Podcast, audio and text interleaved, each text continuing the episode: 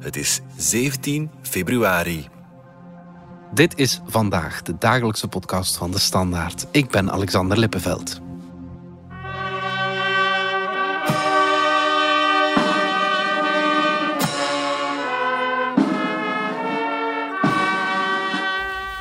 Ik sta hier in Lviv, aan de rand van het kerkhof, Je hoort Casper Goedvals, reporter voor ons weekblad. waar tientallen graven buiten de muren worden begraven omdat het kerkhof helemaal vol is. En hier op dit moment een begrafenis plaatsvindt van twee soldaten, Oleg en eh Vasily, van 21 en 45 jaar oud, die daar net in de kerk een dienst hebben gehad. En nu staat de familie rond te graven, terwijl twee keer vier grafdelvers twee hopen eh, aarde in een graf scheppen. Casper trok de afgelopen weken door Oekraïne en zag daar op een kerkhof in Lviv wat de oorlog met het land doet.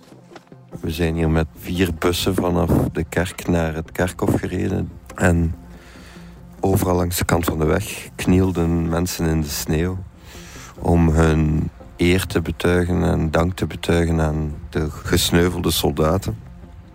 Ik zag vrouwen en kinderen en eh, oude mannen eh, in de sneeuw knielen, hun hart vastgrijpen om te laten zien dat iedereen deze, deze mensen dankbaar is voor de strijd tegen Rusland. Maar het is toch een, het is toch een absurde situatie. Je ziet die, die jonge man en al zijn vrienden van school, jonge vrouwen, koppels die nog niet getrouwd zijn, die ja, moeilijk eh, kunnen begrijpen dat het leven zo, zo snel, zo zichtbaar eindig is. De oorlog in Oekraïne is volgende week een jaar bezig. En naar aanleiding daarvan lanceren we de podcastreeks 1 jaar oorlog, die je vanaf morgen integraal kan beluisteren in de app DS Podcast. Vandaag hoor je al het verslag van hoe 1 jaar oorlog een land tekent.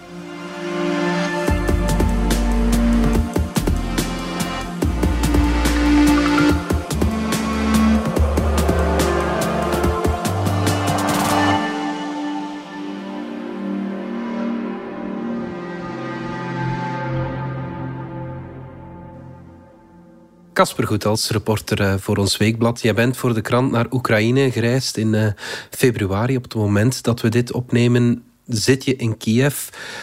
En je bent naar een begrafenis geweest in Lviv. Vertel eens hoe dat was. Ja, dat klopt, eh, Alexander. Ik zit hier nu in Kiev, maar ik was de afgelopen week onderweg door Oekraïne. En mijn eh, reis hier in het land begon met eh, het bezoek aan een begrafenis in Lviv, een stad in het westen van Oekraïne. En ehm, dat was meteen een zeer aangrijpende ervaring die meteen toont ook eh, wat er hier op het spel staat in Oekraïne. Want ehm, we kwamen daar, ik was samen met fotograaf Gert Jochems naar het centrum getrokken, naar de Sint-Petrus en Pauluskerk in de stad. En daar was die ochtend eh, de begrafenis van twee soldaten. Dat waren Vasily en Oleg.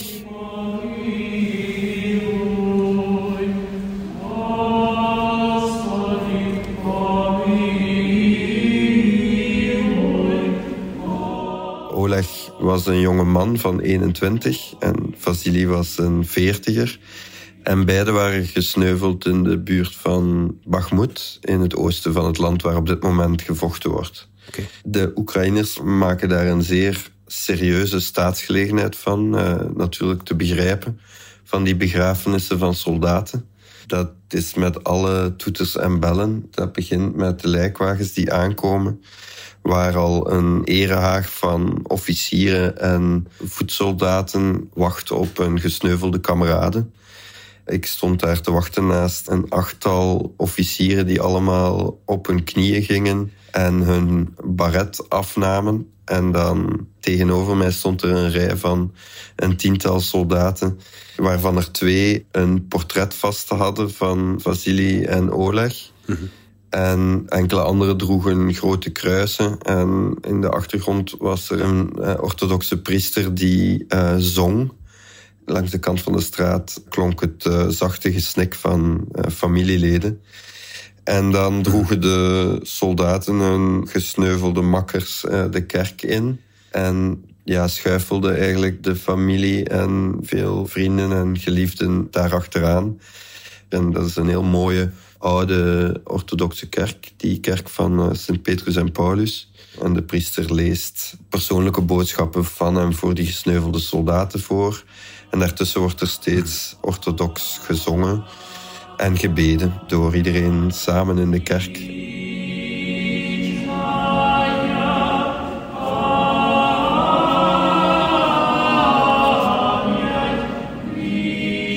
Dus ja, dat was uh, meteen een, met je neus op de feiten gedrukt worden. Ja.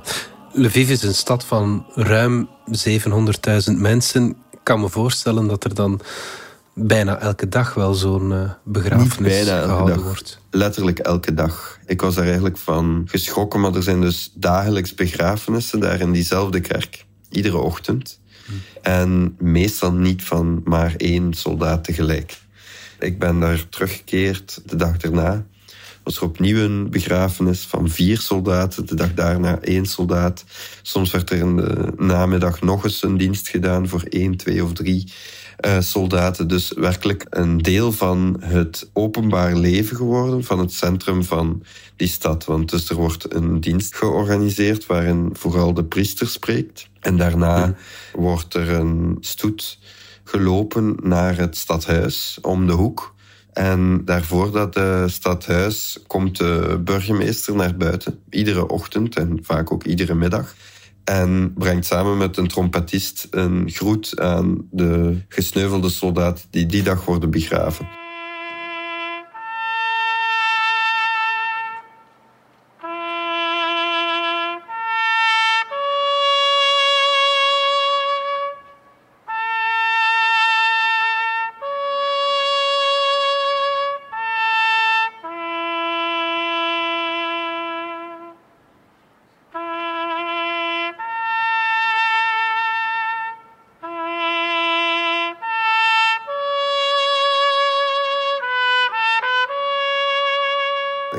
Al veel hebben gehad over die Oekraïnse spirit.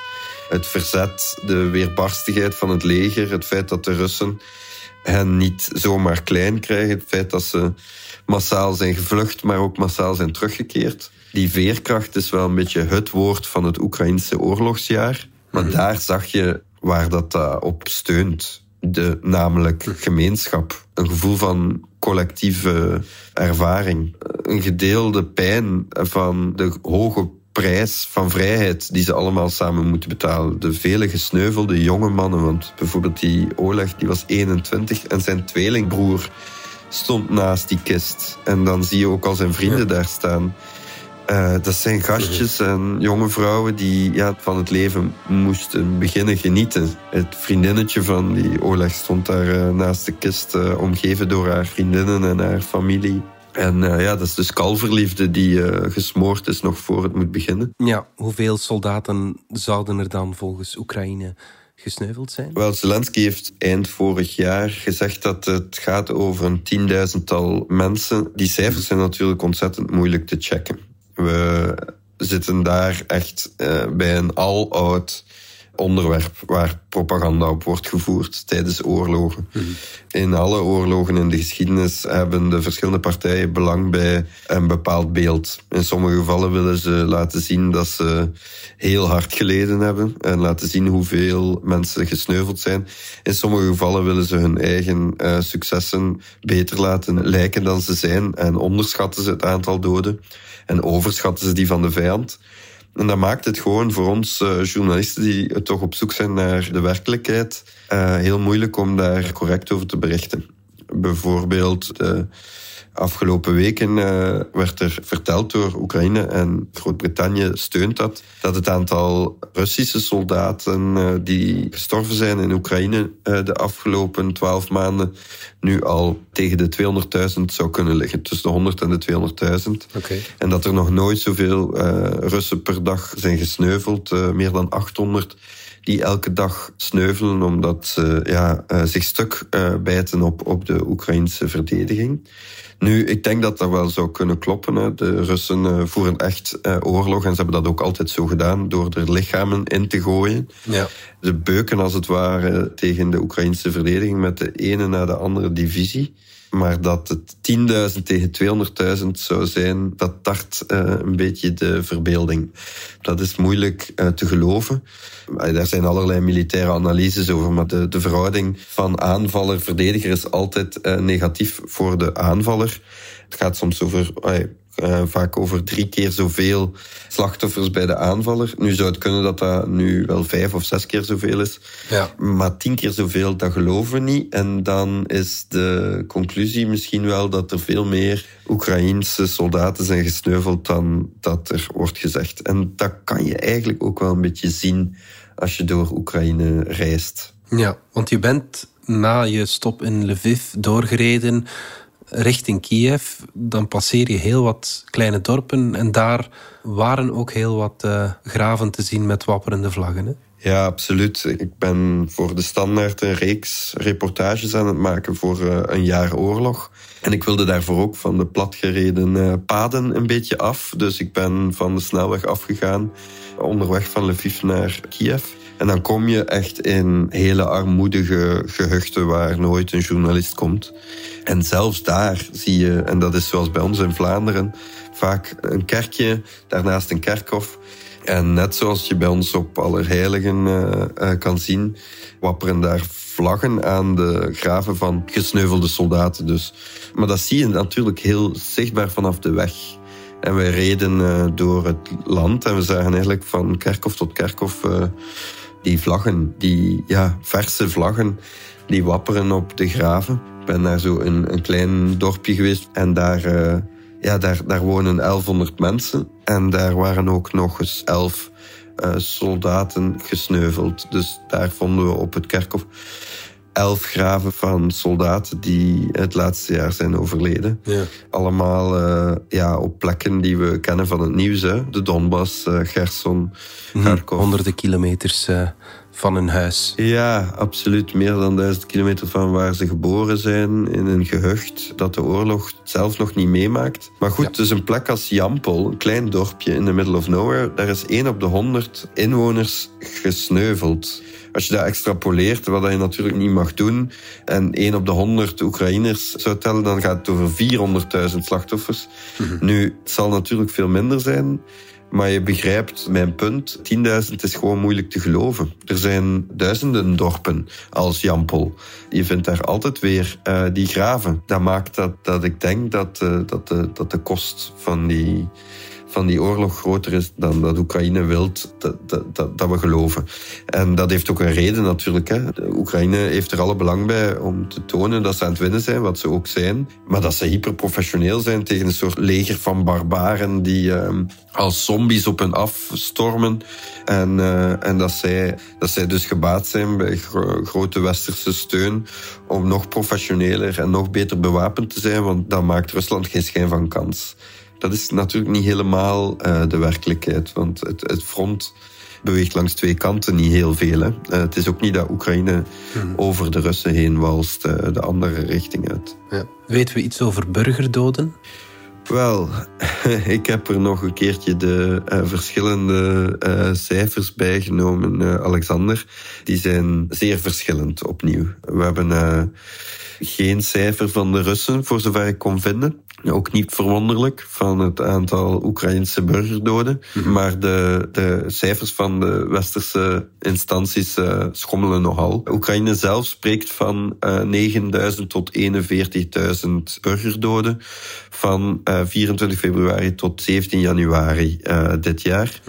De Verenigde Naties spreekt van 7000 uh, burgerslachtoffers en 11.000 gewonden. De Verenigde Staten spreken van 40.000 burgerslachtoffers. Dus uh, ja, dat is vijf keer zoveel als de Verenigde Naties. Uh, de Europese Commissie schat dan weer dat het de helft daarvan is, 20.000 gedood en gewond. Dus, uh, dat loopt uh, heel erg uiteen. Het loopt ja. uiteen, maar het zit in de orde van 10 tot 40.000. Daar blijft het overal tussen. Dus grote verschillen, maar dus ja, een enorme tol voor Ja, de Dat bevolking. natuurlijk wel. We gaan nog even terug naar eh, Lviv, om het zo te zeggen. Je hebt daar gesproken met Inga Sidoruk. En zij is de moeder van eh, Dima. Dat was een soldaat die overleden is. Як говорять, був саме настоящий мужчина. Знаєш, Анечка, він о, світло дали. Світло. Правду сказали, світло дали. She says that he was, as they call it, the real man. Настоящий мужчина, настоящий воїн, настоящий син. Real fighter, real son. Це така була моя ну, просто допомога. Мені зараз без нього дуже tяжко. He was my only help right now. I really struggle without him. Ik heb een tweetal uur bij eh, Inga gezeten in haar appartement in een buitenwijk van Lviv. En dan zie je wat dat, eh, de realiteit is achter die cijfers. Hè. Moeders die hun zonen moeten begraven. Dat is altijd de verkeerde volgorde. Inga heeft eh, heel uitgebreid verteld over haar zoon eh, Dima, een 39-jarige eh, sportfanaat. Die was nationaal kampioen boogschutten. Oké. Was een eh, ontzettend eh, getalenteerde sporter. Ну і звичайно, саме не дурно, що йому дуже це спорт. Він в спорті був завжди. He was always in sporting games. You can see his medals around. Overal langs, langs haar muur hingen er eh, medailles op van haar zoon die hij altijd terugbracht naar mama, zoals ze het zelf zei. En eh, ja, Dima was een ehm, patriot die al een tijd aan het vechten was. Vanwege zijn, zijn leeftijd en zijn, en zijn sportiviteit was hij na de opstand in Maidan, eh, waar de oorlog in het oosten van de separatisten en de Russen begon, was hij opgeroepen om te vechten. En heeft hij in Luhansk meteen een, ehm, een missie eh, uitgezeten. En daar is, ehm, is hij heel snel eh, gewond geraakt. Al in 2014 is hij aan het front eh, de eerste keer eh, zwaar gewond geraakt. Hij is toen geraakt door een mortier en die had zijn slaap geraakt, zijn longen. Eigenlijk kon hij nauwelijks ademen, lopen. Hij heeft moeten revalideren. De artsen dachten dat hij nooit meer zou lopen. Ja, eh, er, er waren dokters die over hem een, eh, een, een dissertatie wilden schrijven omdat hij zo'n wonderlijk herstel had. En ja, dat is ook een beetje de typische veerkracht zo à la films van Rocky Ja. van een sporter. Hè? Ja. Dus eh, een echte atleet is dan ook gaan mee sporten op internationale toernooien. Hij heeft een zilveren medaille gewonnen in Canada in een wedstrijd dat heet Invictus. Dat, komt, dat is op poot gezet door Prince Harry voor gewonde soldaten wereldwijd. Dus ja, die kwam er bovenop. Hij is zelfs nog eventjes terug gaan vechten om zijn shift uit te doen. En is dan teruggekomen en eh, was eigenlijk ja, vrijgesteld. Ja. Maar toen de oorlog begon, eh, kreeg hij een telefoontje. En eh, ook al had hij kunnen weigeren op basis van zijn gezondheid, heeft hij zich meteen aangemeld. En is hij terug met zijn kameraden naar het, naar het oosten gestuurd, naar Luhansk, waar op dat moment Rusland aan het oprukken was. En hij heeft daar een tijdje gevochten, maar is eh, in april in een eh, legervoertuig eh, gebombardeerd. De voorkant van het voertuig was helemaal kapot, waardoor hij eigenlijk eh, niet meer te herkennen was samen met de anderen die vooraan zaten. In het eh, ruim van de vrachtwagen waren er een aantal soldaten die het hadden overleefd. Ja, dat eh, nieuws krijgen was voor Inga een ongelooflijke verschrikking, maar ook voor de vrouw van Dima en hun eh, dochtertje. Eh, ze hebben een klein dochtertje van een paar jaar oud. Was dat, eh, ja, was dat een, een klap die, ja, die altijd verstopt zit achter die abstracte cijfers. Hè? 10.000 doden of 40.000 doden of 100.000 doden. Dat zijn allemaal families die daaraan vasthangen. Al die bussen, al die gele bussen die naar het kerkhof rijden, waar dat de hele stad voor knielt. Ja. Dat zijn, dat zijn zulke verhalen. En die moeder had daar een... Ja, die, die, die, die had het echt moeilijk. Die was ehm, diep droevig en eh, die vertelde... Ja, het zijn kleine details die je dan hoort. Hè. Alexander, dat is eh, een, een schilderij aan de muur. Eh, van uh, Papavers dat hij blijkbaar had besteld vlak voor zijn dood bij een vriendin van hem met wie dat hij op school had gezeten die aan het schilderen was geslaan bij, de, bij het begin van de oorlog. En dat was afgewerkt na zijn dood. En dat kwam dan als verrassing bij zijn moeder toe. Ja. Dat hangt daar nu. Ja. Dat vertelt ze dan in tranen. Uh, en uh, ze vertelt ook dat hij ja, er was om, om eens, als er iets uh, kapot was, om het te herstellen.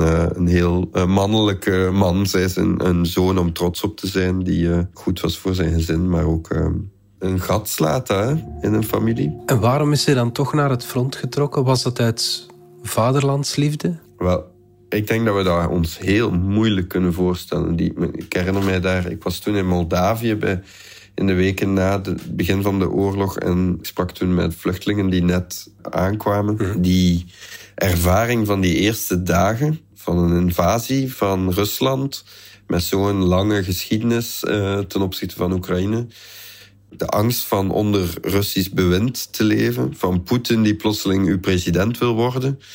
Sommige mensen zijn daarop, hebben daarop gereageerd, verkrampt van angst en zijn, hebben zich verstopt.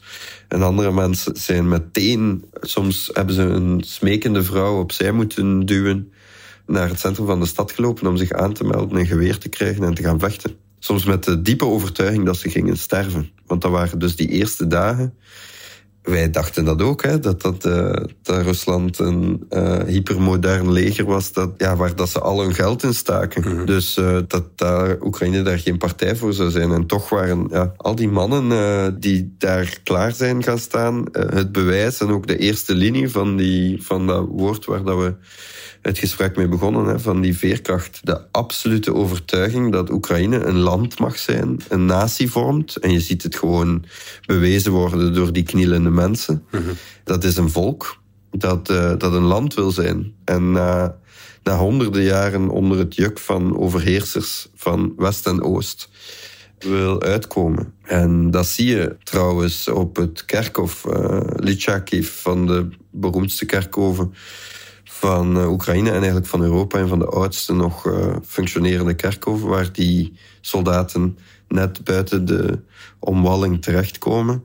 Binnen die muren vind je de, vind je de graven van de Eerste Wereldoorlog, van de Tweede Wereldoorlog, van de slachtoffers van de hongersnood in uh, andere delen van Oekraïne. Dus de Holodomor, die als, er, als genocide erkend wordt nu van Stalin. Mm -hmm. Dus de enorme, enorme tol die daar doorheen de geschiedenis is betaald om ja, onderdrukt, onderdrukt en opnieuw onderdrukt te worden. Dat heeft een verbetenheid, zeker in West-Oekraïne, teweeggebracht van de wil om, koste wat het kost, niet nog een keer uh, te buigen. En dat, ja, dat werd eigenlijk samengevat door, een, uh, door Igor, de gids van dat, uh, van dat oude kerkhof, die mij mee heeft genomen langs alle graven. Daarover schrijf ik in het weekblad. -huh. langs alle graven van die verschillende verschillende oorlogen, zelfs nog veel verder terug dan de 20e eeuw. En die dan aankomt bij die verse graven van uh, soldaten die in het oosten en het zuidoosten uh, langs de kust zijn gestorven. Waar hij zelf ook vrienden heeft verloren. En die zegt dan, uh, dit is onze kans om een laatste keer oorlog te voeren. I believe that people are happy when history of his countries are simple. But uh, we have very complicated history. All our history is war, and uh, we have one enemy. Full our history, more than 300 years. Uh, but this time we must and we will destroy him. I think it will be last victory. I think uh, we will be the last country who will struggle against Russia. Goed. Kasper Goethals, dankjewel. Dank u. Dit was vandaag de dagelijkse podcast van De Standaard. Bedankt voor het luisteren. Volg ons op Spotify, Apple Podcast of eender welk ander podcastplatform. In onze gratis FDS podcast kan je niet alleen ons werk beluisteren, maar ook de beste podcasttips terugvinden met zorg geselecteerd door onze redacteur Max de Moor.